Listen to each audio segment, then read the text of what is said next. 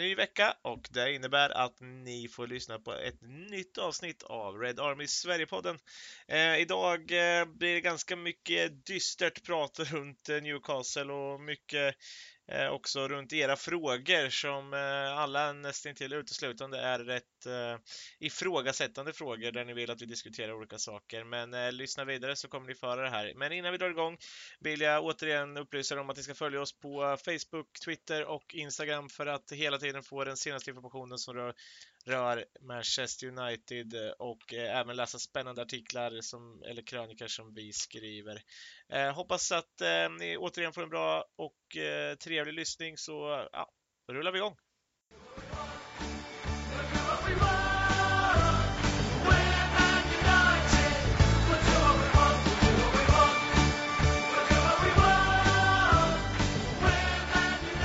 Då var det dags att kicka igång det ja, femte avsnittet blir det väl utav Red Army Sverige-podden. Eh, vi har med oss eh, Mikael Krekula och Adam Stenberg igen och eh, såklart jag, Jonas Andersson. Välkomna grabbar! Tack så mycket. Ja, varsågoda. Eh, ja, det är väl med sorgens dystra eh, skimrande ljus, eller mörker man får säga, som vi sitter här idag. Det eh, ser ju inte jätteljust ut på planen för våra grabbar och eh, vi tänkte att dagen, så här, vi ska diskutera den här Newcastle-matchen som precis har varit. Eh, och eh, sen så ska vi ge mycket tid åt era frågor som, eh, vi har fått in väldigt mycket frågor eh, till podden idag och vi tänkte att ja, vi kör ett sånt avsnitt med tanke på att eh, framtida matcher ligger så långt fram. Men eh, vi startar med Newcastle. En, eh, en 1-0-torsk som vi kanske får ta på oss här i podden efter att ha eh, jinxat igång det med Sean eh, Longstaff och, och Matty Longstaff och eh, varför inte en PL-debutant eh, som visar sig i Matty Longstaff som gör det där envisna målet till 1-0. Men eh, ja, ett mörker känns, men vad, vad, ja, Mikael, du kan få börja. Vad, vad känner du ma- från matchen? Jag känner tyvärr att jag inte är så förvånad över att det blir förlust, vilket är jävligt trist. Mm. Vi, ja, det är liksom, jag tror att Holmgren sa det, kommentatorn på slutet också, att det känns inte som att United har mer att ge. Han hade, för han, han sa någonting i stil med att ja, men United kommer förlora den här matchen och då var typ fyra minuter kvar eller någonting. Och då påpekar K-mark tror jag att ja, det är inte slut än eller någonting sånt. Och då drog ju Holmgren igång att nej, det, det känns inte som att det känns fruktansvärt tandlöst och det, så är det. det. Det känns aldrig som att United ska göra mål. De hade kunnat spela matchen liksom i, hade kunnat spela en till match direkt mot Newcastle igen. Mm. Och jag tror inte United hade gjort mål ändå. Så det är, det är lite den känslan och sen känslan äh, bevisligen United håller nästan aldrig nollan heller. Så då, då blir det fler förluster än, än oavgjorda också. Mm. Så att nej, det, ah, det känns nästan hopplöst för att det är så jävla, det känns så jävla negativt. Mm. Det enda som hade räddat oss i den här matchen, det är om domarna hade hittat något VAR-beslut eller vi hade fått någon Paul Damme tackling mot oss. Alltså vi, vi, blev in, vi hade blivit inbjudna, då hade vi kunnat fått en poäng. Ja, men Jag lite som hade aldrig löst det PSG, PSG är borta. Men Ole har inte det flytet nu som han hade mot Paris borta. Nej. Så, Men med Leicester på hemmaplan, då fick vi en straff, så Junchi gör bort sig och de kommer aldrig riktigt in i matchen. Mm. Därför vinner vi mot Leicester. Leicester har en jättedålig match. Men man har lite skön känsla. Tre pinnar är alltid tre pinnar. Mot AZ Alkmaar står Solskär efter matchen och tycker det är bedrövligt att vi inte får en straff. Att vi kunde ha fått med oss lite mer där. Liksom. Man blundar lite för de riktiga problemen. Mm. mm. Det borde nästan vara tvärtom. Att eh, frågan lyder, men ni borde ju ha fått mer från det här, eller hur? Då ska han säga nej, det borde vi inte. Vi var inte bättre. Men istället hänvisar han till det och det är ju det är ju inte bara han som gör. Så funkar ju fotboll. Det vill komma till att det hade varit det enda som hade räddat oss. Det fanns liksom ingenting med det som eh, matchen led. Det hade ju inte varit någon spelare som kom in och gjort någon skillnad. Solskär hade inte gjort någon skillnad heller, som det sett ut tidigare. Och det Nej, är det här det- som är så jävla dystert. Men det är ju en sån här fast situation som, ja men alltså Maguire ska ju göra 1-0 i det där läget. Det, det finns ju ingenting annat egentligen. Eh, på hörnan där i första halvlek. Mm. Eh, och det är ju en sån där tillfällighet som hade kunnat gett oss en 1-0 seger i den här matchen. Men som du säger, jag ser ju inte att vi Ja, det hade väl varit om kärnan eh, två gånger om där faktiskt typ en till två meter framför egen målvakt lyckas göra två väldigt bra rensningar, en med huvudet och en med, med ena foten. Att ja, det hade gått lite fel och som du säger en bjudning och det där hade varit ett självmål istället. Ja, men det är det som är problemet också. Mm. Att vi har en, en målchans på hela matchen. Det är inget lag som gör mål på sin enda målchans någonsin. Om vi tänker liksom så här, Citys matcher, då, de gör sju mål en match. Då har de 27 riktigt bra lägen också. Det är det som är grejen. Det är inte så att de skapar sju bra chanser och gör sju mål. Nej. De är, ju, de är lika effektiva som United är effektiva. Det är bara att Exakt det här Vi- är inne på, Mike. vi skapar bara vi skapar en målchans per match. Det är inget lag som gör mål på en målchans per match. I regel. Nej.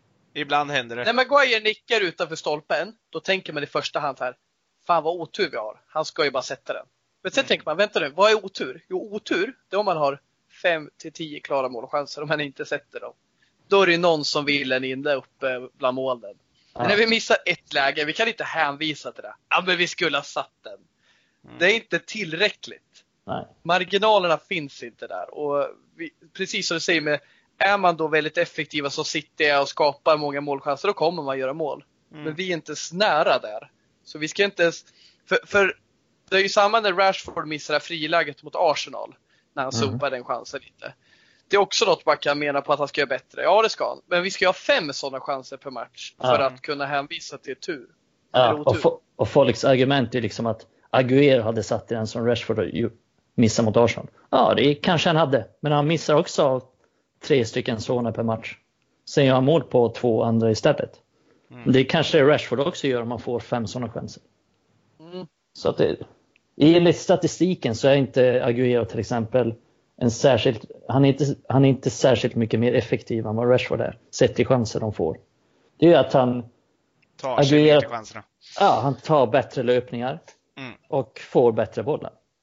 Men själva chanserna är, men själva chanserna, då är han inte liksom att han är en jättemycket bättre avslutare än Rashford. Det är han ju förmodligen också, han är ju förmodligen lite bättre avslutare. Men, men ni förstår vad jag menar. Mm.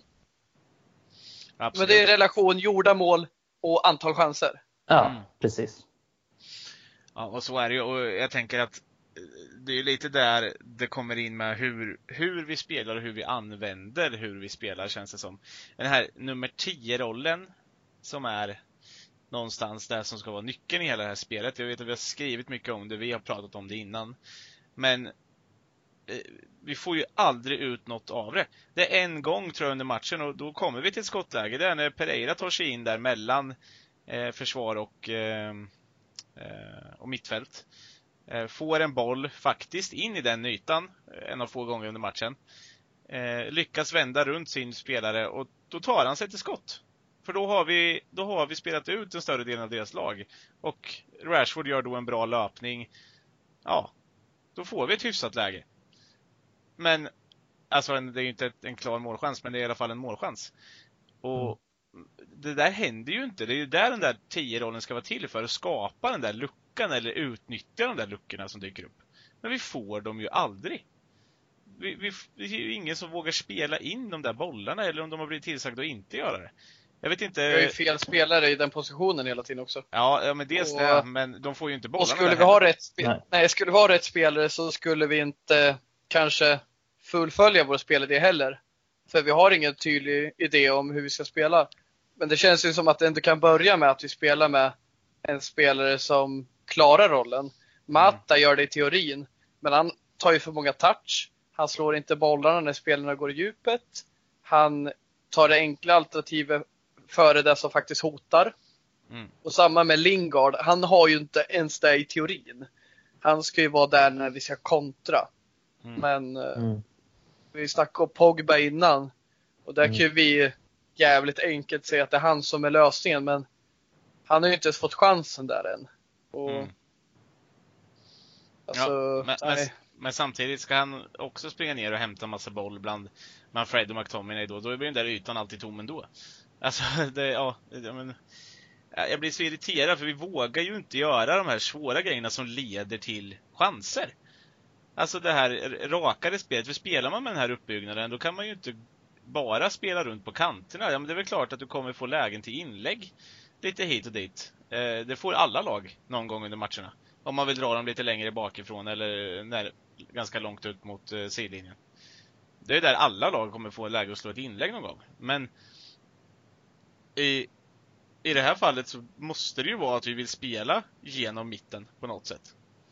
Och eh, lite som jag pratade med dig om Adam, vet jag att eh, slå de här obekväma passningarna ibland som, som gör att vi måste luckra upp försvaren. Eller försvararna måste upp och pressa lite. Vi har igår, den enda som slår de här obekväma passningarna under hela matchen tror jag är Tuan Sebe. Han slår den ut på högerkanten lite längre upp. Jag tror det är Mata som får den. Han har två spelare runt sig vilket gör att han på en touch måste slå den till Pereira. McTominay ser att oj, här är de pressade, då tar jag en liten löpning här. Pereira slår den igenom, för, alltså, alltså helt klart det finns en lucka igenom försvararna där McTominay kommer. Och helt plötsligt så har vi ett, ett läge. Och tyvärr blir det offside sen, men då har vi spelat förbi deras försvar och vi kommer i 3 mot 3 chans sånt, sånt måste ju vara hela tiden, men här tvingas de till det. Ja, det var ju inte genuint det där anfallet. Det var ju liksom, det såg jävligt bra ut, men mm. det blev lite, det var frukten av deras press som gjorde att vi helt plötsligt körde klapp-klapp istället för att vara fega och ta mm. fyra touch. Men intressant det du nämner, för vi spelar med en tia, men vi, vi idkar inte på att använda tian. Istället mm. så gör vi det trygga och kör ut ytterbackarna. Mm. Då spelar det ingen roll om vi har helt skadefri tupp. Vi har inga inläggsspecialister i vårt lag. Och även fast Young var det en gång i tiden så har vi inte sett det idag. Mm. Och AVB och Shaw hade vi från början. Så hyfsat ut defensivt men, ja, jävligt bra för AVB men hyfsat från Shaw. Men offensivt slår de ju inga bra inlägg. Nej. Och är spelidén så? Nej. Men varför hamnar det där? Det är ju där, vi liksom rollfördelar ju helt jävla fel. Ja, och sen har vi inga, ponera att de skulle vara bra inläggsspelare, så har vi ändå inga bra huvudspelare i boxen. Nej. Rashford, uh, Martial, däremot... James, vilka som kommer in nu, de är inte... Men däremot de är vi rö rörliga spelare där. Mm, så de borde, de borde kunna röra sig in framför sina spelare och ändå trycka dit någon boll ibland. Om inläggen hade varit bättre. Men som du säger, vi har ju inga inläggsspelare heller. Så varför ska vi spela det här spelet för? Nej, och sen är väl eh, delvis det, men också att Rashford till exempel inte tar jättebra löpningar i boxen alltid. Som, som andra spelare, andra världsklassanfallare kanske skulle ta. Så det är ju lite både och. Så därför är det ju rätt märkligt att vi spelar efter den melodin. Mm. När vi kanske har styrkor på andra, på andra ställen. Precis. Och det roliga här, vi säger att vi hade två riktigt jävla bra ytterbackar på att slå inlägg. Eh, så kanske vi inte har den backningen när vi kommer till inlägg heller. För jag liksom inte den här tian då. Han kommer ju inte in i straffområdet. Och Rashford är ju inte den vassaste just nu heller. Där kan vi önska mer. Så det är ju en misslyckande att vi kommer ut till ytterbackarna. Mm. Men eh, om jag aldrig hade sett på United spela fotboll och får frågan vad är deras spelidé? Jo, men den kommer ut till ytterbackarna. Sen får man hoppas på att den kommer in i straffområdet på något vis. Ja, det är lite det också. Lagen låter ju United spela så. Lagen vill ju ha United så. Om vi möter liksom West Ham, de kan ju stå där hela dagen och nicka bort bollar. Ja. Det kan ju, United skulle kunna slå 500 inlägg. Mm. Det hade inte hänt någonting ändå. Det är, det är så enkelt för liksom så här, när Roy Hodgson kommer till Old Trafford. Han vet exakt hur den här matchen kommer utspelas. Det är det som är så, det som är så jobbigt. Han vet exakt att United kommer spela ut på kanten och slå inlägg. Och Martin fucking Kelly kommer nicka bort 300 bollar tillsammans med Gary Cahill. Det är så givet. Ja, och att jag blev vansinnig på Dalot mot AZ eller vansinnig på Young mot Arsenal. Handlar det om att jag tycker de är fruktansvärda spelare? Ja, kanske. Nej, men alltså det handlar om att de får den obekväma rollen i att hela tiden försöka göra något avgörande. Mm. Youngs inlägg är inte bra. Det ska sägas såklart. Mm. Men vi kommer alltid ut till högerbacken som ska slå inlägg. Och det blir så jävla lätt att, styr och försvara då. Mm. Och Dalos inlägg, det slog, det blev så här. Dalot älskar ju det där. Jag lovar ju, alltså Dalot har ju stått och slagit inlägg hela sitt liv, men han har aldrig blivit bättre på det verkar som. Mm. Men han står och slår och slår och slår. Och det blir aldrig bra. Och det är ju lätt att se att ja, men det blir inte bra. Men problemet är ju djupare än så. Det handlar ju om att vi ens kommer ut dit. Mm. Hur fan kommer det sig att vi inte använder nummer 10 oftare? Och när vi gör det, hur kommer det sig då att Mata eller Lingard eller Pereira där i mitten? För mig är det så här. Antingen kör vi Gomes eller Pogba som nummer 10. Annars slopar vi den helt. Mm. Jag säger inte att det är klockrent av Matic som ankare att vi går tillbaka till det vi gjorde i våras när det gick som bäst.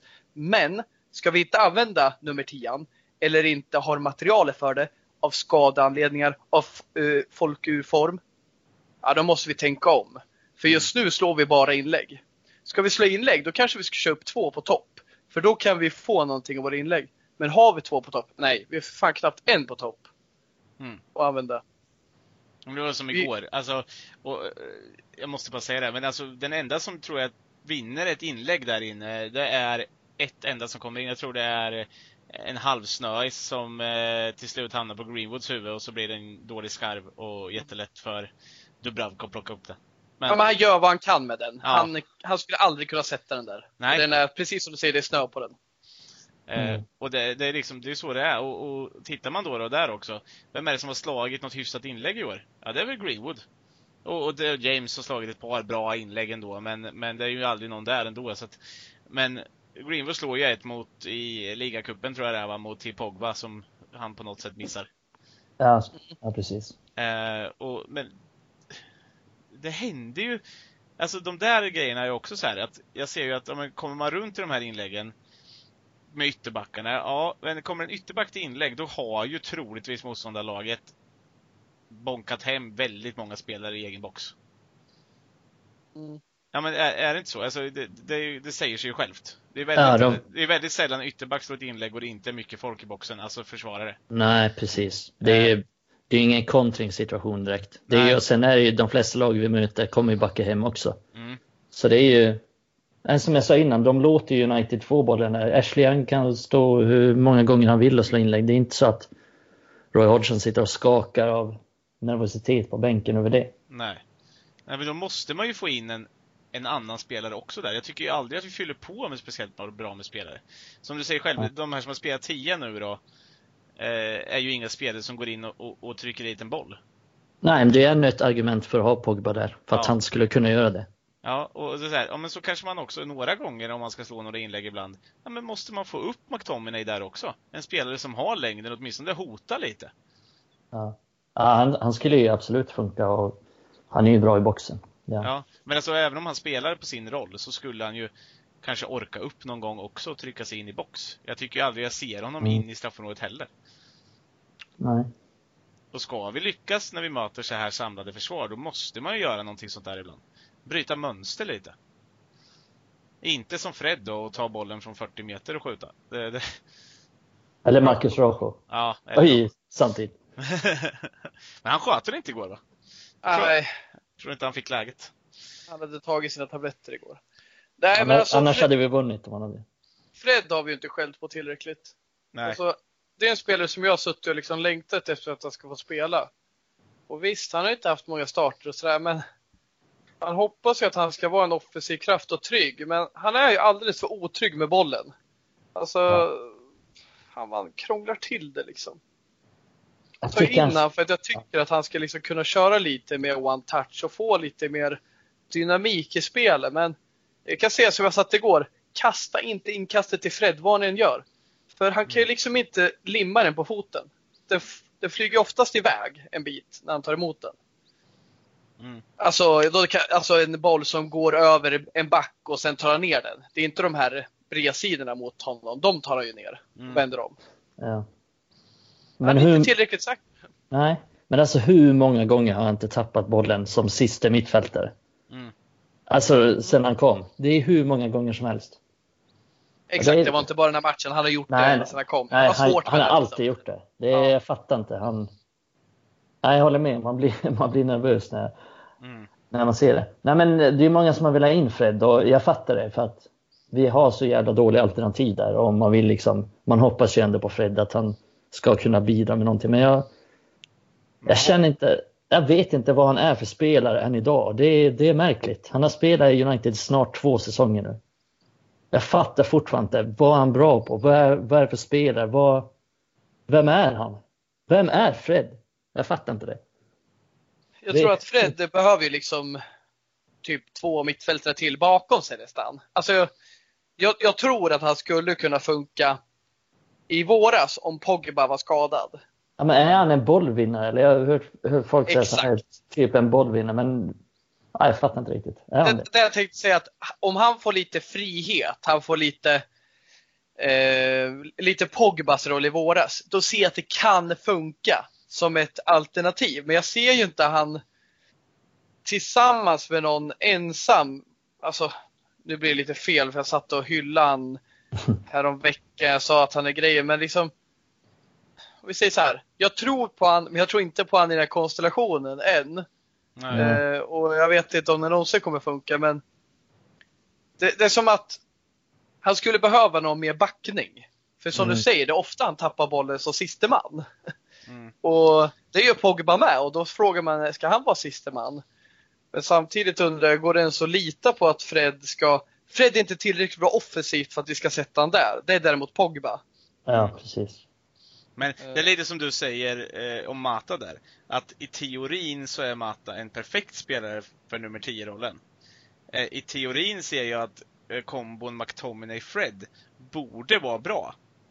Alltså det, det ska ju vara, alltså som du säger så här, man vet inte vem Fred är. Nej, det kan jag nästan hålla med om. Men att han ska vara en form av bollvinnare som ändå har en passningsfot och lite sådär. Eh, där så känns det som att, ja, kombinationen McTominay-Fred borde vara bra. Men det funkar ju Eh, inte. Obviously det- funkar det inte alls. känslan man får av Fred är att hans bästa egenskaper är ju liksom ja, men återvinna boll, det tycker jag han gör rätt ofta. Man blir glad för att han för kämpar och han verkar ha någon slags fallenhet för att återvinna boll. Mm. Och att kunna köra igång det rätt snabbt. Eh, det som är problemet han är att han är för fladdrig. Mm. Och Exakt det ordet jag skulle använda om honom. Ja, alltså vi, vi jämför med Kanté. Han är också så här jättebra på att återvinna boll. Han kör igång bollen rätt snabbt. Sen är han nöjd. Så är ju Fred med. Men när Fred håller i bollen, då är ju Mm. Kanté så rationell i sin tanke. Han släpper vidare den. Jag vill inte sätta dem i samma fack. Det är helt fel. Kanté är världsklass. Det är inte Fred. Men bara för att sätta det i jämförelse. Det är ju där Fred ska vara. Mm. Men har man inte det alltså grund, alltså grundattribut, att man är trygg med boll. Eh, Det är för högt och lågt. Ibland har han världens touch och driver förbi en spelare med en jättegrym första touch. Ibland då sular han på bollen och den bara rinner iväg och sen är det kontring. Mm. Det skulle aldrig hända. Alltså, han är en sån spelare som ska vinna boll åt oss och sätta igång spelet. Och jag ser inga som är jävligt bra idag som är så dåliga på att eh, eh, hålla i bollen som han är. Mm. Nej, det är, så, det är så märkligt för att som du säger, han, han gör ju bra saker ibland. Som, som får en att tänka bara wow. Mm. Han har haft det där. Och sen, och sen gör han så här enkla misstag hela tiden. Också. Vilket är, är det är så märkligt, man får inget grepp om honom. Det är lite det som är grejen som jag försöker få fram här, poängen. Mm. Man får inget grepp om honom. Vem är han? Vad, för att han gör bra saker ibland och sen nej, tappar han boll där igen. Mm. Nej, men det, Ja, ja, det- ja, men det, det är så sant. Och, och samtidigt kan jag bli så här ibland när, vi, när man ser liksom hur vi spelar, vi spelar upp och så hamnar han stillastående med bollen. Och, och, och lite så här, istället för att då när man hamnar stillastående med bollen, jag tycker att det är helt okej att, ja men slå den i sidled då, spela ifrån dig bollen. Eh, nej, men då står han helt still och ska ändå försöka spela igenom den här spelaren som kommer och pressar. Det är liksom ett beslutsfattande som också är, jag vet inte vad som slår slint ibland. Det är ungefär som att han kollar på smurfarna samtidigt som han spelar fotboll. Ja. Det är det här Ja. jag menar Jonas, det är det här jag snackade om tidigare. Ja. Det är min uppfattning och den har inte jättestark grund. Men när det blir lågt tempo Mm. och Fred får fundera för mycket. Mm. Han börjar fundera på vad han ska käka till efterrätt ikväll. Om han ska käka liksom baked Alaska eller cookie dough till Ben Jerryson. Eller gifta sig igen. Det är då han börjar sula på för mycket med bollen. och det börjar funderas. Min upplevelse är att när det är högt tempo, vi säger matchen mot PSG, det är mycket kontringar, det är Hawaii. Mm. Då funkar han. Mm. Då är det inte lika mycket intelligens. Det liksom går rätt fort, han kan vinna boll, han kan leva lite mer på instinkt. Men när han måste vara en taktiker, när han måste vara den som liksom ser det som är bakom det som man normalt ser. Lite Paul Scholes. Alltså, nu ska vi inte jämföra med världsstjärnor igen, förlåt. Men Fred är ju inte den här som tittar upp och sen när han får bollen slår direkt. Han vill ju gärna, eh, om det inte är så att någon är i ryggen, för då måste han ju slå direkt. Mm. Men när det är för sakta, då gillar han gärna att dra lite på de här sulorna. Mm. Han är ju brasse liksom. Han gillar att köra med dobbarna på bollen och eh, sula fram det lite och så här. Och jag tycker att han har varit så sämst i United-tröjan när det går för sakta. Mm. Eh, Jag tycker att eh, när någon pressar på honom som fan och han liksom får tänka på instinkt. Det är nog då vi, det är nog då Mikael sitter hemma i soffan och bara wow, kan han det där? Det är lite så jag känner med Fred. Ja, men så kommer du ihåg när han, han hoppade väl in mot Leicester va? I, i slutet av den matchen. Och Mm. var, och var relativt Ja. bra. När matchen är, matchen är uppe i ett ganska högt tempo. Leicester trycker på, de bidrar till tempot och United försöker kontra lite. Då är han ju som bäst. Han har ingen tanke. Alltså, han måste släppa på ett, det måste gå lite fort. Han finns folk att vägga med, ja, och han vinner mycket boll. Och du säger som du säger, han, han vill vinna tillbaka bollen. Ja, men han exakt. får gärna slå den direkt. Ja, precis. Ja, men exakt. När, det- när det svänger mycket. För det blir väl en sån match då. Mm. Och det är, det är exakt då han är bra. Eh, När det, ja. när det blir högre tempo, när det svänger fram och tillbaka. Leicester går fram, United har kontringsmöjligheter. Mm, Det är ju då han har varit som bäst. precis. Absolut. Och där, där någonstans, det är där man vill se utav honom. Eh, Ja, jag vet inte men eh, jag tänker att vi kanske inte bara ska prata negativt. Jag vill ändå lyfta en sak och det är ju faktiskt hur bra Axel Tuansebe ändå var relativt till alla andra i United. Han är så ensam i den här matchen, men han gjorde ändå en väldigt bra insats som mittback i sin första start som mittback i Premier League. Håller med. Mm. Ja, det Jag var det han tar faktiskt. ansvar. Jag tycker han tar ansvar i, i en grupp som inte tar ansvar. Mm. Han överglänser Harry Maguire i den här matchen. Ja, han, Absolut. han är ju en... Han har alltid varit en ledartyp. Han har varit lagkapten för varenda, varenda U-lag. Mm. Han har ju varit i United sedan han var väldigt liten. Han har alltid varit lagkapten i varenda lag. Mm. Så, och i A-laget nu också, så han har varit lagkapten i exakt varenda lag i United. Så det är, nej, det är en ledartyp, så att det är jag inte förvånad över att han tar ansvar. Och sen är han, han har ju den här elegansen, den här auran i sig. Mm. Att han får saker att se enkelt ut för att han är oftast, han är fan ofta snabbare också än alla anfallare. Sen är han starkare, lite större. Han, så han vinner ju mycket på det också. Så det är, nej, han har mycket gratis. Jag, tycker, jag älskar honom. Tycker han, hans, han ska få spela mer. Och, ja, fan, jag vill ju se honom från start. Jag vill ju se att han är en, en av de två ordinarie mittbackarna som spelar. För så bra tycker jag att han är. Mm. Och han, han vill ju hela tiden att United ska anfalla och vara framåt och, och bidra till det genom att slå de här passningarna.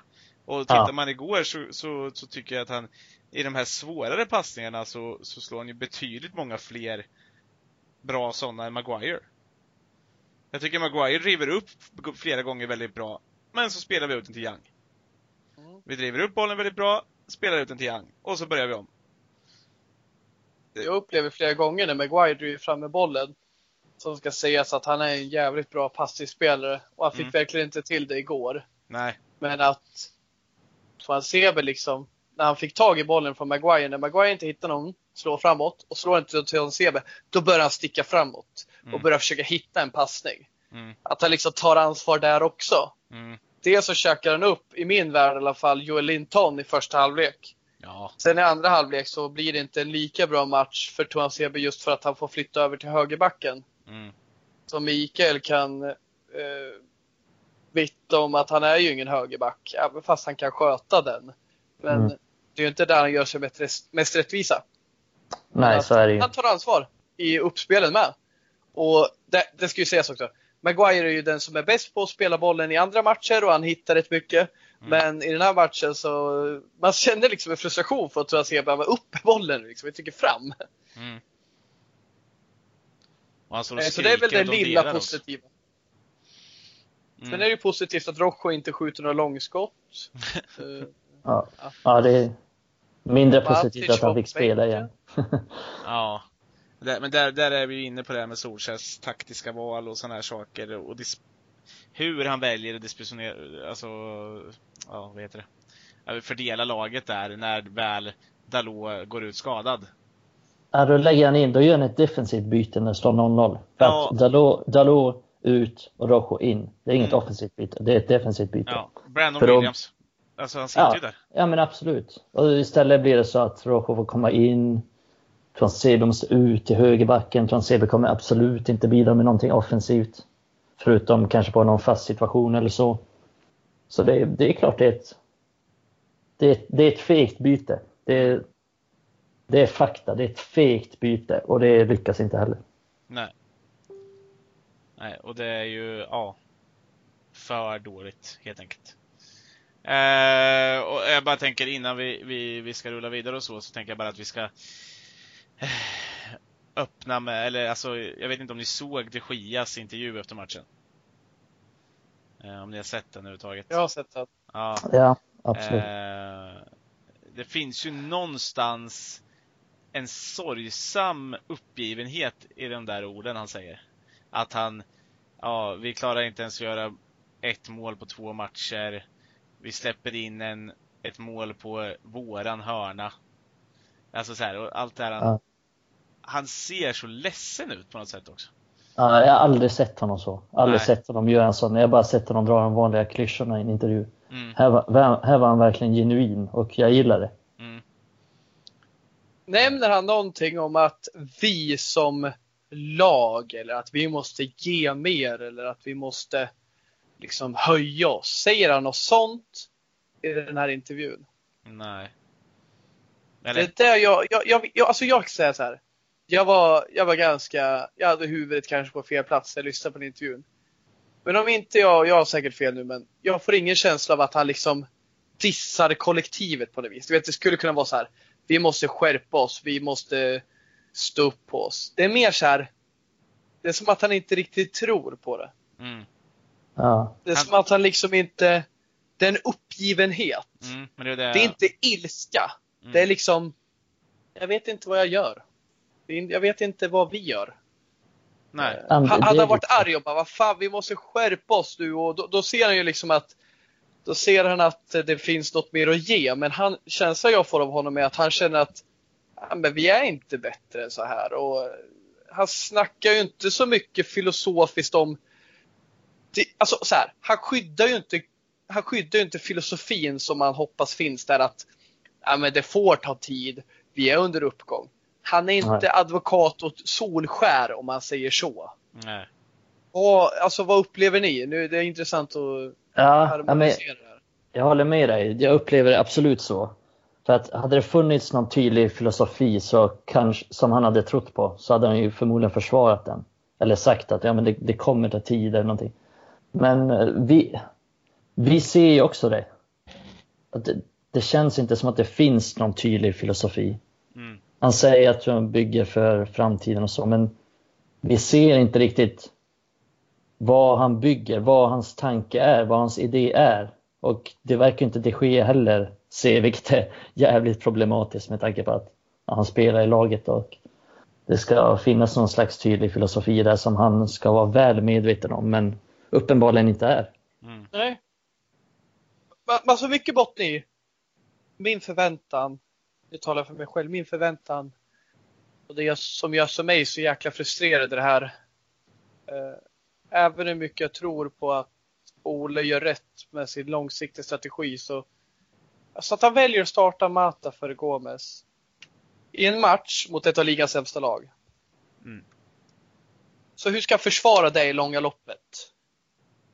Alltså dels är det svårt att förhålla sig till hans alltså ambitioner under denna totalrenovering. Och fortfarande ingen Greenwood från start. Exakt! Alltså, han, ville starta spelet så länge såg ut att lämna utan nytt kontrakt före en av klubbens största talanger. Han väljer alltså Mata före Gomes. Vi, vi trodde ju att Mata var slut. Vi trodde att han skulle lämna. Sen bara, han skriver ett nytt kontrakt. Ja, men det kan vara en skön fanbärare. En som har vunnit Premier League en gång i tiden. En som har vunnit till och med Champions League. Han har säkert mycket att säga, men han får sitta där som reserv och vara en jävla skön snubbe. Men vill vi ha honom från start när vi har den största skadekrisen i fan i mig 2019? Kanske inte. Han bidrar ju inte. Han får starta match efter match, han och Andreas Pereira. Det händer ju inget. Nej! Nej. Alltså, och dels blir det svårare att förstå att, alltså, att Ole sänker förväntningarna i de interna let, eh, hans, alltså, förväntningarna blir en helt annan bland supportrar och bland ledningen som anställde honom. När han väljer att starta Mata, Rojo, Pereira före, eller före Gomes, Williams och Greenwood. Det är klart att hade han startat alla våra talanger då kan vi fan inte dra med trollspöet och tro att allt ska funka. Men nu när han startar de här Deadwooden i mina ögon. Mata, eller Matic och sådär. Idag tar han in Rojo, eller igår tog han in Rojo före Williams. Det är klart att man har en helt annan förväntning och det är det som är frustrationen. Mm. Och det är det tror jag alla är överens om. Alltså Olle gör det svårt för sig själv. Och även fast jag tror på att han ska kunna få tiden, för jag hoppas att man får mer än åtta omgångar efter man får transferfönstret, så spelar det kanske ingen roll vad jag vill. För han själv sätter käppar i de hjulen på det här transporten han startade. Alltså, alltså vad är det för ombyggnation när man startar med Mata när vi har jättemånga skador? Vad är det, det? Ja, det är det som är så svårt att acceptera för att det, jag i alla fall hade kunnat, och många andra också, vad jag läst, hade ju kunnat acceptera att vi, ja, men vi tar någon förlust om vi startar med Gomes och Greenwood och Williams. Det, man fattar ju det. De är nya, de är knappt fyllt 18 år. Mm. Men om vi startar med Mata, med Matic, med Rojo och så förlorar vi ändå och det ser ut så här. Ja, då är det svårt att acceptera då. Vad är tanken? Vad är, varför spelar du dem? Mm. Han gör det ju så svårt för sig själv som sagt. Alltså det, det, jag, hade, jag hade kunnat suttit och tagit en 1-0 förlust igår. Med Gomes, med Greenwood på plan, med Williams på plan. Jag, hade kunnat ta en femtonde plats i ligan med Gomes, med ja. Greenwood. Med, om jag ser också någon, någon spelidé eller någonting sånt. och, de, och de spelar. Ja, en utveckling av spelet. Mm. Men nu istället får jag se att United, nej, jag har inte ens kollat tabellen, men att vi liksom ligger 16 eller vad fan vi ligger. Och så spelar vi med Mata, med Andreas Pereira som jag tycker, inte tycker håller. Och så vidare och så vidare. Nej, då, då är det svårt att köpa det. Då är det svårt att känna någon glöd för det här laget, tyvärr. Och det är det jag tror att det kommer ju definiera Solskärs säsong. Att eh, är det så nu att han får kicken och Green, eller vad säger Greenwood, Woodward ger honom kvittot på varför det blev som det blev. Ja, men du skulle bygga om laget och du väljer att starta Mata och Rojo i matcher. Inte för att Rojo startar nu, men han skulle kunna välja att starta Rojo vissa matcher spelare du inför säsongen inte ens önskade, men som råkade bli kvar? Lite så här spontant. Han ville ju sälja Rojo, han ville ju bli av med honom. Det, ja, ju, det var ju Glazer som satte stopp för att Rojo var... Ändå så spelar han honom relativt mycket. Rojo har inte fått så här mycket speltid på, på flera år, höll jag på att säga, men det är ju länge sedan han har, han har ju spelat en hel del nu. Mm. Ja, hörni, eh, jag tänker att eh, bara för att avsluta Newcastle-biten, eller det här pratet innan vi flyttar vidare. För att ni, ni, kommer få prata så mycket mer när vi kommer till frågorna vi har fått in. Eh, så jag tänker bara, Adam, inte för att knäcka dig, men du måste få säga något ord om att det faktiskt är Matty Longstaff som, som avgör det här. Brodern, ja, till, brodern till Sean som Pep Guardiola ändå har hyllat en gång i tiden. Jag har väl aldrig känt mig så skyldig till ett mål som motståndarna har gjort. Känns som att vi har jinxat det här. Alltså, fan vad sjukt det är. Den här killen, det är ju ingen etablerad spelare direkt. Han gör sin debut i Premier League. Mm. Och han, eh, han kunde lika gärna gjort två mål den här matchen. Han gör en fantastisk match. Och det är frågan om det inte är han som skulle ha ryktats till United och inte Sean Longstaff. Nej, men det jag säger om Longstaff är att jag känner någonstans att det kanske är sensationsgrej för att det är nyheten man kan se om. Men just för att det snackades om Longstaff i somras Mm. och att man har snackat om att vi har redan en, en Longstaff på något sätt i McTominay som att de är lika. Det är konstigt. Och det kändes som att McTominay ville sätta dit honom lite när matchen. Det var lite gruff mellan dem. Mm. Det var lite tjurigt. Och jag Mm. tycker att Sean vann den duellen. Och det är ju inte för att McTominay var dålig, det är för att de här Longstaff, de spelade en final inför publiken. Och de ville liksom... Eh, de bevisade att motivation slår klass. Och eh, i det här fallet blev det både att Newcastle stod för både motivation och klass. Men, ja. Mm.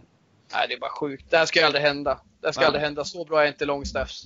Men Nej. de är såklart, de, det finns ju värde för, för Newcastle-fansen och för klubben att ha två local lads som eh, levererar på den Precis. nivå de klarar. Ja, hörni. Eh, vi ska pusta ut lite.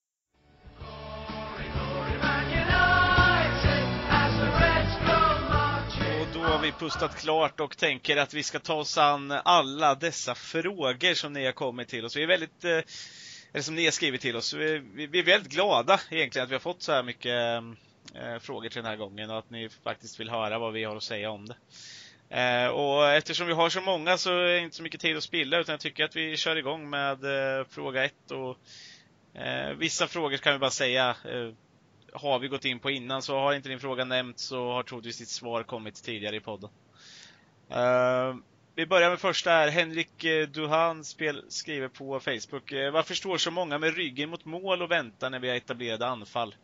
Eh, Lukaku fick ju ett lyft när Solskjaer kom in, och, eller kom in och han sa ju att om man säger åt Rom att spela taget kommer han aldrig ha näsan mot mål. Och han lyfte ju tillfälligt då även om han spelade lite som högerytter. Vad hände med det här spelet och de idéerna? Ja, det är där vi funderar på lite. Vart tog spelidén vägen? Mm. Det var ju ganska tydligt, oavsett om vi mötte lågt spelande försvar eller högt spelande försvar, under Oles första dagar att vi hade en tanke med hur vi skulle spela. Det känns som att det rördes runt lite i grytan längst upp med Martial, och Rashford och Lingard de första månaderna när norrmannen tog över. Mm. Det är svårt att se vad som har hänt, men ja, vi har ju slutat eh, samarbeta längst upp i plan.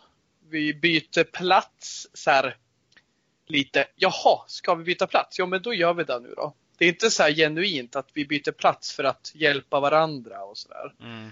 Eh, och, ja, det är väldigt tydligt att vi inte, vi har lämnat den spelidén. Och det är ju ganska tydligt att vi hade, hade en ny tanke under sommaren. Vi såg att Pogba blev sittande mittfältare. Helt plötsligt hade vi en eh, Mata som vi trodde hade var bortraktad från truppen, men han startade i, i somras. Så kommer gå med sin som tia med och det var ju lite mer intressant. Men vi hade en ny spelidé och det känns inte som att alla i truppen har förankrat med den idén. Och ju mer skador vi har fått har det sett ännu värre ut. Äh, det har sett lika illa ut från början, bara att vi har fått eh, ska man säga, mer, mindre utfall av det Mm. än vi hade mot Chelsea. Men eh, jag tror det, han svarar på den, det är att Ola har en ny spelidé och den har inte lyckats få in. Frågan är hur länge han kan hålla på med den här tanken. Teorin är god, men i praktiken funkar den inte alls. Nej, han har, han har inte lyckats implementera sin, sin spelidé riktigt. Vad, vad det nu är, det, det vet jag inte riktigt. Men han har inte lyckats få det att funka. Han har inte lyckats få spelarna att förstå heller vad de ska göra. Så att, ja, det är svårt att svara på. Mm. Ja, Jag tycker också det är svårt för jag ser inte liksom Jag ser, jag har nog aldrig sett, även om det gick bra i början när han kom Så förstod jag inte spelidén förutom att jag tyckte att det såg ut som att man skulle byta mycket positioner, det skulle vara livligt, rörligt framåt Och lite det har ju gått över till att Ja Stillastående Lite mer Mourinho Över det igen Jag tror ett svar på det där kan vara att eftersom vi aldrig når fram till nummer 10 mm. och vi hela tiden ska försöka vara lite spelbara som anfallarna. För om vi säger så här, vi kan ju inte hela tiden gå djup, vi måste också ha något slags uppspel. Men det är väl det att jag tycker ändå när vi hittar till nummer 10 och den börjar titta framåt Eh, Mata till exempel, ibland kliver han ju framåt och har läge. Sen tar ju inte han alltid tillfället till att slå djupet. Men när han gör det, då tycker jag att vi börjar liksom röra på oss lite. Men eh, man kan ju tycka, även fast bollen är hos McTominay eller eh, Fred som igår, så ska de ändå gå djup då. Mm. Men just på den här ryggen mot mål, ja det är väl lite att vara delvis de, tillgänglig spel och delvis vad fan gör jag på plan. Mm. Ja, pinsamt. Ja, ja, jag hoppas det här svaret blir bra för dig Henrik, men eh, jag tror inte vi kan säga så mycket mer om det. Eh, John Novak Eh, på Facebook säger, frågar, eh, ska man kicka Ole nu om inte trenden vänder eller ska man gå högre upp och göra en stor protest från fansens sida att försöka få bort ledningen? Eh, jag själv är ganska övertygad om att kicka Ole inte hjälper i nuläget. Och här vet jag att bara inom våran grupp och Red Army Sverige är väldigt delat. Men att jag står på den sidan där att jag är också väldigt kluven, men jag tror inte heller det hjälper att sparka Ole just i nuläget. Det måste till någonting annat. Eh, och jag tror inte vi kommer se så mycket ändring om inte, eller ja, den ändringen jag hoppas kommer ske det är att Ole börjar se över sina laguttagningar helt enkelt. Och hitta någon form av spelidé. Jag vet inte vad ni andra säger men. Är den enda anledningen jag kan se till att sparka Ole just nu, det är om en riktigt, riktigt bra kandidat till jobbet blir tillgänglig. Mm. Men det ser jag inte just nu att det finns. Och jag vill ju såklart att Ole ska få lite mer tid också. Så att jag, nej, nej, han ska inte sparkas just nu för att det finns inga det är klart det finns ett bättre alternativ, ett kortsiktigt alternativ att ta in typ Allegri eller någon som kan styra upp det lite bättre. Men jag vill inte se Allegri liksom på lång sikt. Jag vill se en långsiktig lösning med en långsiktig satsning. Och då vill jag ha, liksom, då vill jag ha en, en tränare som, som är beredd att, att göra det. Jag tror att Allegri inte är en sån som kommer stanna i fem år heller. Och sen är han inte en sån som, som jag vill se heller i det långa loppet. Så att nej, inte sparka Ole nu för att det finns inget bra alternativ långsiktigt sett till det. Ja, nej, nej precis. Jag eh, känner lite samma sak, men i så fall så måste nästan det här långsiktiga valet eller den andra tränaren finnas liksom klar redan. Ah, Hej då Ole, vi tar in dig. Varsågod. Ja, ja men precis. Um... Big Sam is waiting in the wings. Ja. ja, eller David Longstaff kanske sitter där och pappa Longstaff alltså, kanske sitter och väntar på att få komma in. Heter han David? Ja, han spelat i Djurgården i hockeyn. Om du inte hörde det igår så sa till och med Det, fick, det. det, det hörde man ju inte igår. Nej. Holmgren sa det typ 20 gånger. Resten sa jag att han spelar i Djurgården. Säger Han det, så här många poäng. säger han det oftare än han säger att Scott McTominay är skotte? Skotte McTominay! ah, han har bott i England hela sitt liv och är uppvuxen i England, men visst. Säg att han är skotte för att han har valt att spela landslagsfotboll för Skottland. Där sitter pappa! ja. ja, nej, vi flyttar vidare. Eh, det här kanske är den längsta frågan vi har fått. Eh, eller ja, det är nog 17 frågor i en fråga. Eh, men Lasse Koski Anjo eh, skriver så här och ni får försöka hålla koll på vad jag säger nu för att det blir långt. Eh, Det känns som om klubben målat in sig i ett hörn. Ärligt vet jag inte vad som är vägen ut ur den här hemska hösten. Kanske kan en riktig sportchef och nya ägare förändra något. Eh, kanske en annan manager, men någon garanti för snabb återhämtning finns ju inte. En ny forward och ny mittfältare i januari kan nog hjälpa oss stadga upp så pass att vi åtminstone undviker nedflyttning. Eh, det värsta är att jag befarade detta innan säsongen drog igång på grund av ett, att absoluta bottenlagsprestationerna bot att, av bottennappen som var i slutet av 2018-19 eh, säsongen. Att eh, vi har skeppat iväg två forwards. Eh, Mato Jones är kvar. Mycket, ja, han nämnde att mycket Deadwood-spelare är kvar. Eh, mycket skador på, eh, ja, att skadelistan är full. Eh,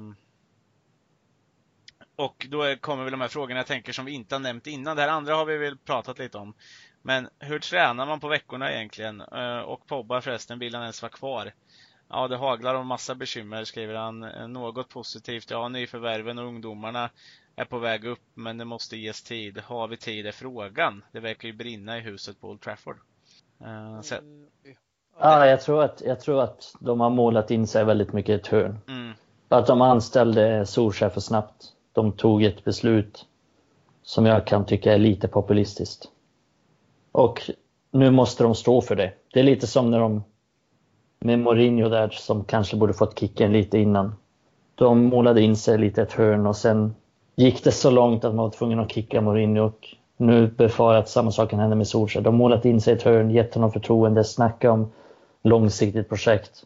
Men går det för, för dåligt, blir det fler och fler, fler, fler förluster, då måste de göra någonting. Och jag tror att de skulle... Jag tror fan att de vill kicka Ole, men att de inte vågar göra det Mm. Det är min känsla i alla fall. Sen har jag ingen aning om, om det är så, men så, så känner jag. Men visst får man lite känsla här, Mikael, det du säger, att när de väl får känsla att ja, men nu börjar det bli jävligt mycket besvikelser över Solskär. Vi har liksom fyra bortamatcher på rad nu. Hur många bortamatcher har vi vunnit på sistone? Jag menar när det börjar brinna lite hos fansen och de börjar mena att ja, det till och med kommer ut en Ole out-skylt. Då är det ju lite lättare för dem. Är du med? Alltså det blir lite Ja. så. Jag, jag köper det du säger. För om de kickar nu, då finns det fortfarande folk som har tålamod. Mm. Bland annat jag. Men eh, har, känner de att det är jävligt mycket besvikelse mot hur Solskär hanterar matcher, då är det ju lättare att kicka honom. Ja, men de, de kan ju inte fotboll. De vet ju ingenting om det. Vilket är så jävla sjukt för att de sitter och tar beslut kring fotboll. Nej, de Nej, det- går ju lite mer på känslor. Lite Ja. mer på uh, marknad liksom. Ja, Ja. Börjar de Ja, se på att eh, känslor, aktierna liksom. sjunker, då, då är det ju lättare att ta ett beslut. Ja, men det, det är så det är. Det är Han svarar ju mycket på sina egna saker och själv Ja. också. Att det liksom, men, men, men mycket, visst, alltså man kan ju ge Solskjaer lite också i att han har ju haft skadedrabbat så, men någonstans ligger frågan i vad fasen är det som händer? Vi får ju skador hela tiden på träningar och, och matcher och, och någonting är ju grovt fel där. Ja, men det Ja, är United och Det har ju alltid haft. ingenting med Det är United det har alltid ingenting med haft. Ola att göra. Nej, Nej. precis, men det har inte med Ola att göra. Men, men någonting händer ju någonstans. Ja, men det har alltid varit, det har alltid varit den diskussionen kommer med, med Ferguson också. Det var alltid 2000 miljoner skador. Och det var alltid snacket liksom så här, kicka hela jävla fitnessteamet och så. Mm. Men det har aldrig blivit bättre oavsett vilka som har kommit och gått. Det har alltid varit mycket skador i United. United och Arsenal, alltid mycket skador. Oklart varför. Det är Mm. Men det- svårt att säga när man inte det- har koll på liksom, Precis. truppen och så. När man inte ser träning och så. Sen har Men- vi spelare som är skadedrabbade i, i bara i rent hur de är, typ Martial. Han är, Ja, han, är ju, det- han är ju till hälften gjord av glas. Eh, tyvärr, för honom Ja. och för oss. Ja, Eh. det är väl så för att nu var ju Lindelöf i och för sig skadad, men det är ju vissa som nästan aldrig är skadade oavsett liksom så här. Lindelöf, eh, Maguire känns som en sån. Men där hängde det väl mycket på, eh, på planen mot Alkmaar i alla fall vad jag har hört. Många kände ju av det där efter att ha spelat på den Ja. konstgräsplanen. Så är det. det vet ju alla som själv spelar fotboll på konstgräs kontra gräs, vilken skillnad det är. Ja, och speciellt om du inte har spelat på konstgräs på väldigt länge eller typ aldrig har gjort det, då kommer du Ja. känna av det efter att ha spelat det. Gud ja. Ehm, Ja, jag vet Ja, inte. lite jag snapp upp av det han frågade efter i alla fall. Mm. Att Pogba, vill han vara kvar? Nej, jag tror inte han vill vara kvar. Nej. Och jag tror att eh, Olle vet om det. Han ger han ett år till, i princip. Mm. Eh, sen om det är Olle som bestämmer om han förlänger sen i slutändan, kanske inte ser kvar då. Mm. Men jag tror att jag tror inte Pogba vill vara kvar. Mm. Och jag tror att vill han vara kvar och kämpa för det, då finns det ett pris. Mm. Och den kommer med största sannolikhet rubba vår lönebalans igen. Eh, Den som Sanchez rubbade en gång. Så kanske vi kan eh, göra en diskussion framöver om det är rätt eller inte. Men så tror jag i alla fall att det är på hans fråga. Mm. Sen finns det tid för ungdomarna, ja det finns det. Det finns en massa tid för det. Sen om det finns tid för Ole att ta hand om det, det är inte lika säkert. Nej. Men jag vet att även om Woodward är en helt, helt jävla sallad så vet han om att det är en grundpelare i den här klubben. Ta fram ungdomarna. ja så han vill det. ja. Och därför kommer han peta på det om han kickar Solskjaer en dag. Men vänta nu. Det kan till och med fotbolls... Eller nolla som honom fattat. Fan jag ser ju, du har ju knappt spelat ungdomarna som du sa. Men du Mm. spelar Mata och Gomes. Eller så här, du spelar Mata och Rojo. Mm. De du inte ville ha liksom, vad hände? Lite sådär, det är enkelt även för någon som inte har fotbollshjärna. Peta på sådana grejer. Mm. Ja, men sen ska det också säga att, sägas att det är gynnsamt att ha, att ha United på det sättet. För hade det här varit Real Madrid, Barca, det hade varit... Fy fan vilket liv det hade varit. Ole hade absolut inte överlevt det här i Real Madrid, om man säger så. Nej. Så att vi har ju ändå ett väldigt stort tålamod, vi fans. För det är ju inte supermånga som är emot Ole. Ändå, trots allt. Med tanke på hur dåligt det har gått. Så att det är ändå rätt många som har förståelse för att det är en process och nej, så att på så sätt har ju det lite gynnsamt. Yes. Mm. Precis. Eh, men vi ska flytta vidare lite. Eh, jag hoppas att han blir nöjd med det svaret. Men eh, vi har väl ett, ja, en fråga från Norge, tror jag till och med. Sigurd Sveinsson Sigernes skriver varför, ja, varför Tviholder, jag vet inte exakt, men jag tänker att han menar varför, varför spelar och eh, Solskär med 4-2-3-1 hela tiden när han hade så um, mycket succé med 4-3-3 i starten när han kom in eller ja, 4-1-2-3 vad man nu vill säga att han spelade i början. Som du sa förut Adam med, med just med, med ankaret. Vad, vad har fått honom att ändra liksom? Jag tror att han vet att det finns uppåt uh, upcoming talent som vill och kan spela med högt pressspel. Mm. Och han vet att de spelarna som gick bra när han kom in i United, de kan också lite högt pressspel. Jag tänker då på Lingard. Jag tänker faktiskt att Rashford också varit bra på det. Mm. Och han kanske känner att han kan få potential ur Pogba och Martial. Jag tror det är det. Mm. Eh, som, för jag tror inte att han bara tittar på vad har vi för material. Mm. Det är annars ganska enkelt att eh, gå till materialet och se vad är det som är rimligt. Men jag tror att han ser det i det längre perspektivet att eh, ja men det kan ju du styrka Mikael att eh, det var ju inte Ole som började med hög press. Det, det börjar väl liksom lite mer i U-lagen eller? Ja, ja precis. Och det är, han har ju tät kontakt nu när Nicky Butt har fått en ny roll och Kieran McKenna som var U18-tränare tidigare är med i staben nära Ole. Så att absolut, de har ju en tät kontakt kring U-lagen nu. Mycket tätare än tidigare. Mm. Så att på så sätt så, så är det ju rimligt, ja. Mm. Det är i samband med att vårt ankare Nemanja Matic, som oavsett vad folk säger faktiskt är i praktiken det enda ankaret vi har. Mm. Har stagnerat. Ja. Han har tappat stinget. Och Precis. han kanske aldrig kommer komma tillbaka. Förmodligen inte. Och därför så vill han liksom ta bort den posten. Problemet är bara att den posten han lägger till, ja, där har vi en spelare som har bevisat sitt värde på högsta nivå. Och det är Pogba. Men han använder han inte där. Nej. Och då refererar jag till hans period han hade Juventus. När han hade Marquisio och eh, Pirlo bakom sig. Uh, han kan spela där. Uh, men varför han inte använt honom där? Ja, det kan man ju fundera på. Det är mm. nog bara Ole som kan svara på, tror jag. Mm. Uh, ja, jag tänker att vi ska försöka som sagt hinna med fler frågor så vi hoppar vidare.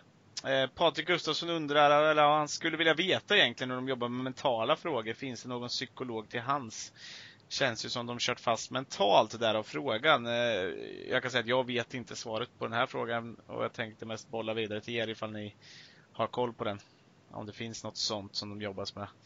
Jag tänker om Mikael har koll, ledar mässigt ungdomslag och uppåt. Så. Ja, jag vet att de jobbar med det i U-lagen, så jag har en massa intressanta metoder kring det. Men i A-laget så ingen aning. Nej. Nej, det blev ett kort svar. Men eh, som sagt, ja, vi vet faktiskt inte. Men det är absolut någonting som är värt att titta på och kan försöka rota fram lite. Eh, ner Edvin Gustafsson Tankar om Rashfords form och när tror ni han är tillbaka på sin nivå? Ja, vad är Rashfords nivå? Uh, han, har väl, han har väl aldrig varit så jäkla jämn kanske, men, men uh, lite, jag vet inte vem av er som har sagt det innan, men jag tror vi sa det i något avsnitt där att han gräver sig lite i sitt eget dike. Just som det pågår just nu i alla fall.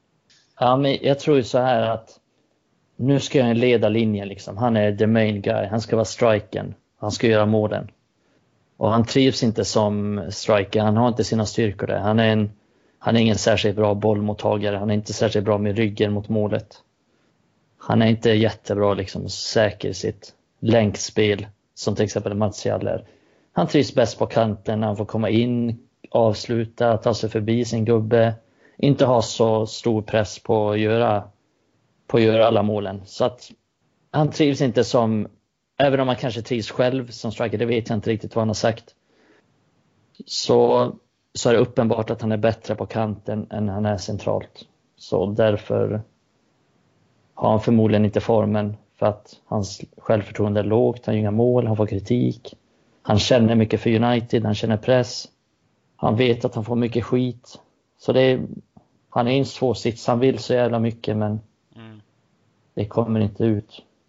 Värt att poängtera här är att man får ju verkligen känslan av att Rashford vill få anfallare. Sen om det är rätt, är det Rashfords um, val att göra? Nej.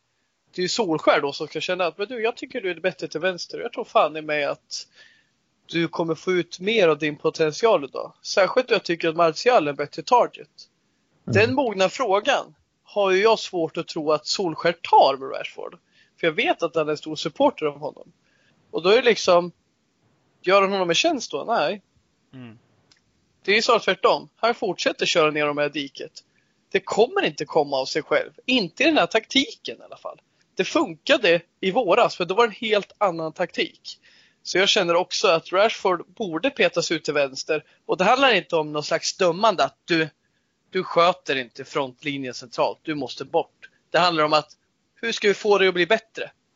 Och det är där som är skillnad på bra och dåligt ledarskap. En dålig ledare, han skriker på någon och säger du är dålig och du måste bli bättre. En bra, den, den fokuserar på det som är positivt och även nämner lite på sidan att det här måste du sluta med. Mm.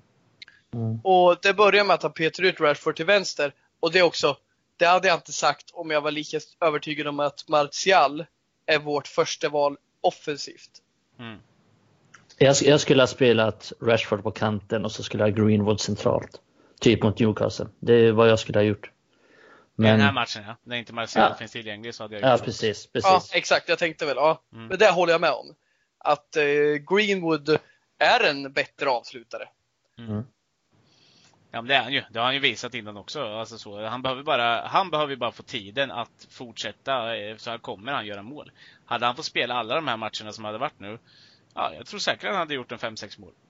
Bara ja, av problemet, han... problemet är att han hellre startar Daniel James som striker och mm. har Greenwood på kanten.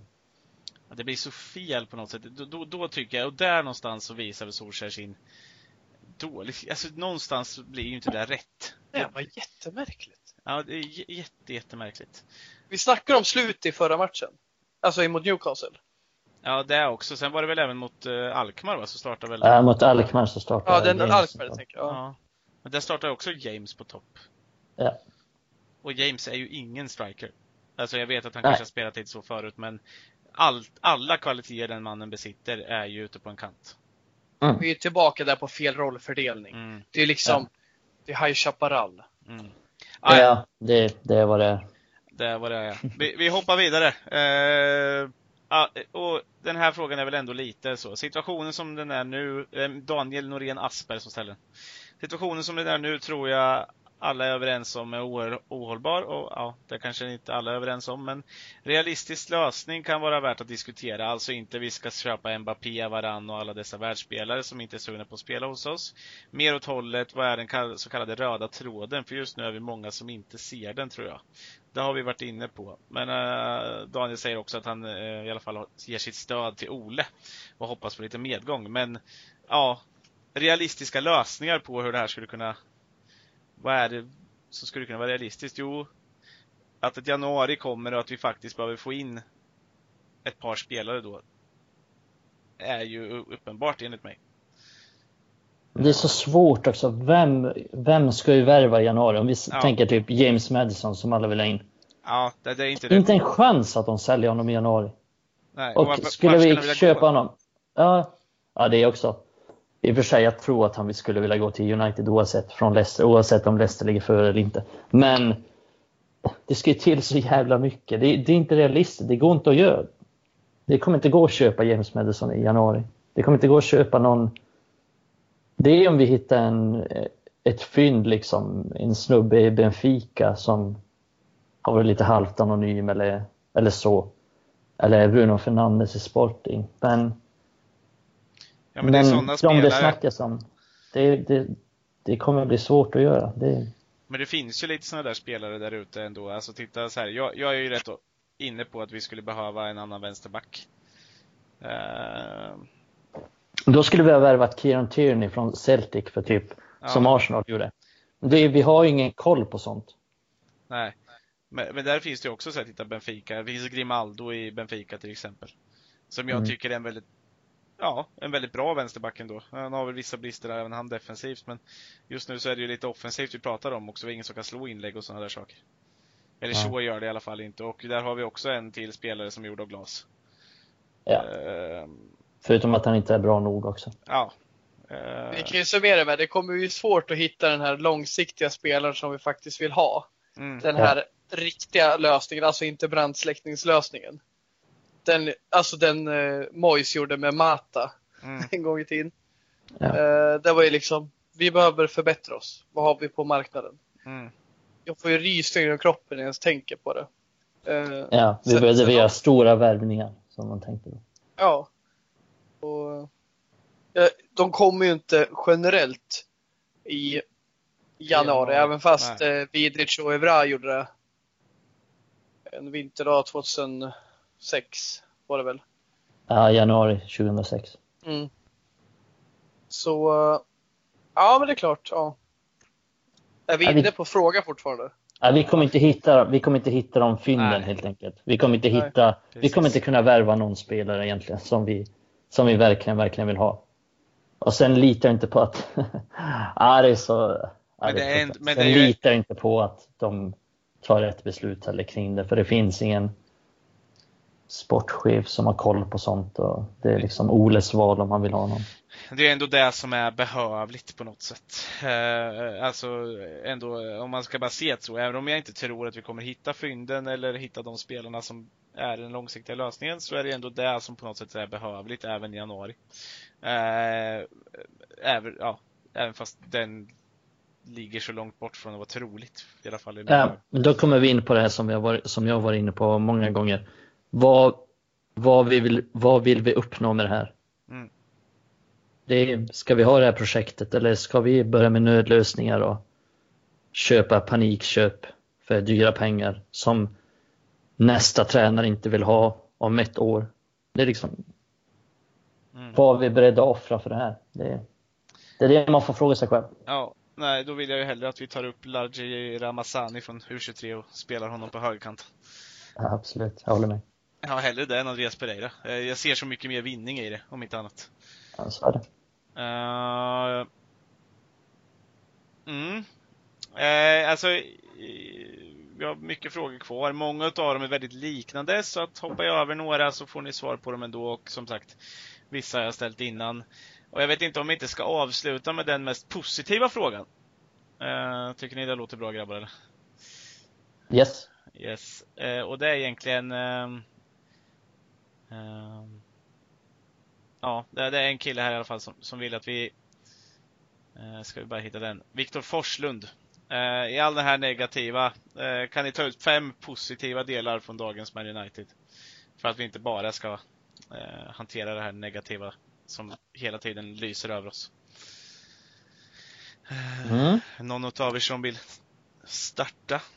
Ja, jag kan börja. Jag är inte säker på att jag får fram fem, men vi får se. Jag börjar med att droppa några givna i alla fall. Vi har en jävligt bra ungdomsakademi som sköts väldigt, väldigt bra just nu. Vilket jag säkert kommer utveckla senare. Men det skulle jag säga. Sen har vi, sen har Ole gjort många bra saker med truppen som gör att Ole, eller nästa tränare eventuellt, beroende på hur det går, har rätt bra förutsättningar ändå. Vi har en ung trupp med en hel del potential och en hel del jävligt bra spelare i Pogba, de Gea, Martial som alla är relativt, relativt unga på sina positioner och kan få ut ännu mer. Så ja, det är väl det jag kommer på nu. Sen kan väl Adam kanske fylla på lite. Ja, tack för att jag fick bottenskrapet. Uh, ja. Du är bättre än mig på att hitta det där tror jag. ja, vi... Uh, vi heter inte Arsenal. Mm. Uh, vad finns det för positivt att säga idag? Alltså... Vilka ligger vi före i tabellen just nu? ja, det är ett par stycken i alla fall. Ja. Uh, nej, men uh, jag vet inte Rojos brända mackor i alla fall. Det gör vi inte heller. Uh... Nej, men finns det så mycket mer, alltså ärligt talat, finns det så jättemycket mer positivt än det jag nämnde? Det är väl liksom... Men det som är viktigt, ja men precis. Mikael säger det jävligt bra. Vi har, vi har en framtid. Sen vem som förvaltar framtiden. Mm. Jag är en sån här, ja men jag, jag, jag vill att Ole ska få mer chanser. Men är jag något Ole-fan liksom som tror på att Ole Gunnar Solskjaer ska ta oss till toppen? Nej men det är jag inte. Eh, tror jag att han eh, bör få möjligheten att fullfölja säsongen och ge över facklan vid rätt tillfälle? Ja men det tror jag. Mm. Tror jag att han ska sparkas nu och det ska bli någon särskild förändring för slutresultatet för säsongen? Nej, jag tror att vi kommer jag kan säga så här, jag är övertygad om att byter vi till en etablerad tränare redan imorgon så kommer vi få en bättre slutresultat på säsongen än med Solsjö vid rodret. Men om vi lägger en bra grund för framtiden bättre än vad Solsjö gör nu, kanske inte. För jag tror ju att ska vi få bättre resultat med en annan tränare så kommer förmodligen de långsiktiga planerna få lida. I alla fall för en stund. Mm. Sen är det som Mikael säger, utöver ungdomarna så har vi faktiskt en del världsstjärnor i truppen. Om inte annat potentiella världsstjärnor. Mm. Uh, men det är svårt att säga fem, liksom. det är så diffust. Fem, finns det ens fem?